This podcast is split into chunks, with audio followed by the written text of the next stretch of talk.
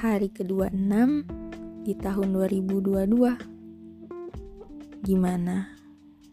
Bahagiakah? Sedihkah? Atau malah nano-nano? Hmm, memang sangat sulit untuk dideskripsikan. Tapi aku yakin kamu pasti bisa melewati Januari ini dengan baik. Semangat ya!